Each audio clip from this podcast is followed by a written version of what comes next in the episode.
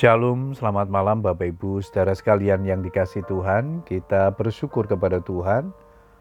Malam hari ini kita kembali dapat berkumpul bersama dengan keluarga kita untuk menaikkan doa-doa dan ucapan syukur kita kepada Tuhan.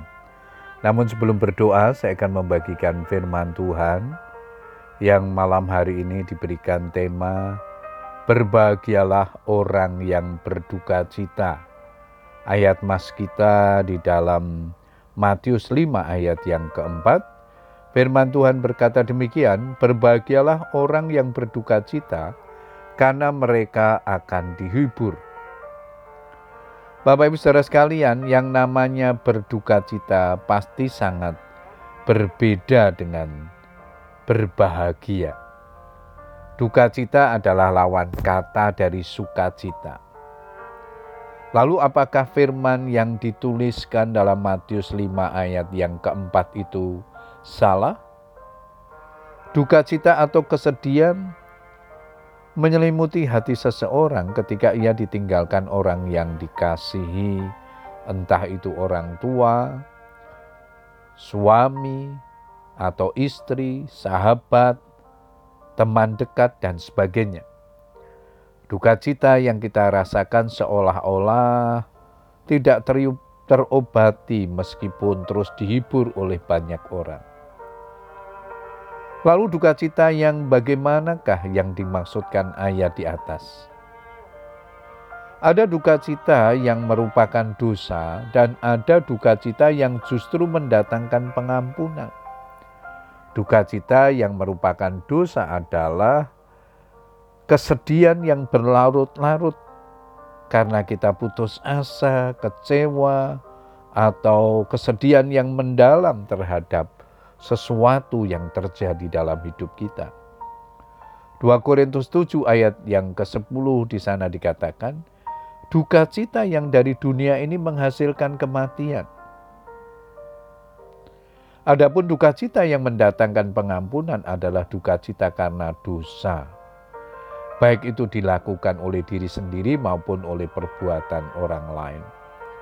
Inilah duka cita yang Tuhan maksudkan. Nyadari ketidaklayaan di hadapan Tuhan akibat dosa-dosa yang ia perbuat akan menimbulkan perasaan duka cita yang mendalam dalam diri seseorang. Orang yang berdosa yang telah dijamah oleh kuasa Roh Kudus tidak akan bersuka cita karena dosa-dosanya. Sebaliknya ia akan meratap dan berduka karena sadar bahwa jalan-jalannya sudah jauh dari kebenaran dan telah melukai hati Tuhan karena hidupnya tidak kudus di hadapannya. Duka cita semacam ini akan beroleh penghiburan dari Tuhan, yaitu berupa pengampunan dan kehidupan yang kekal. Tuhan akan mengubah ratapan itu menjadi tari-tarian karena Tuhan Yesus sudah menanggung segala dosa-dosa kita di atas kayu salib. Perasaan duka cita itu seharusnya ada di dalam hati kita setiap kali kita berbuat dosa dan melanggar firman Tuhan, kemudian menyadarinya. Duka cita ini timbul bukan karena kekuatan kita sendiri, melainkan pekerjaan Roh Kudus di dalam hati kita.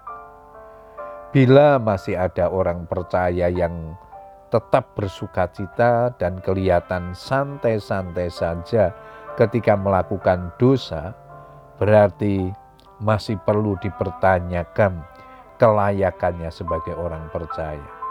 Itu berarti dia belum hidup dalam pertobatan. Ingatlah, tanpa pertobatan kita tidak akan beroleh bagian dalam kerajaan surga. Alkitab mencatat hal ini tanpa kekudusan tidak seorang pun akan melihat Tuhan. Ibrani 12 ayat yang ke-15. Puji Tuhan saudara sekalian, biarlah kebenaran firman Tuhan ini menolong kita untuk terus mempercayai Tuhan dalam segala hal. Biarlah kita terus berjuang untuk hidup dalam kebenaran. Selamat berdoa dengan keluarga kita. Tuhan Yesus memberkati. Amin.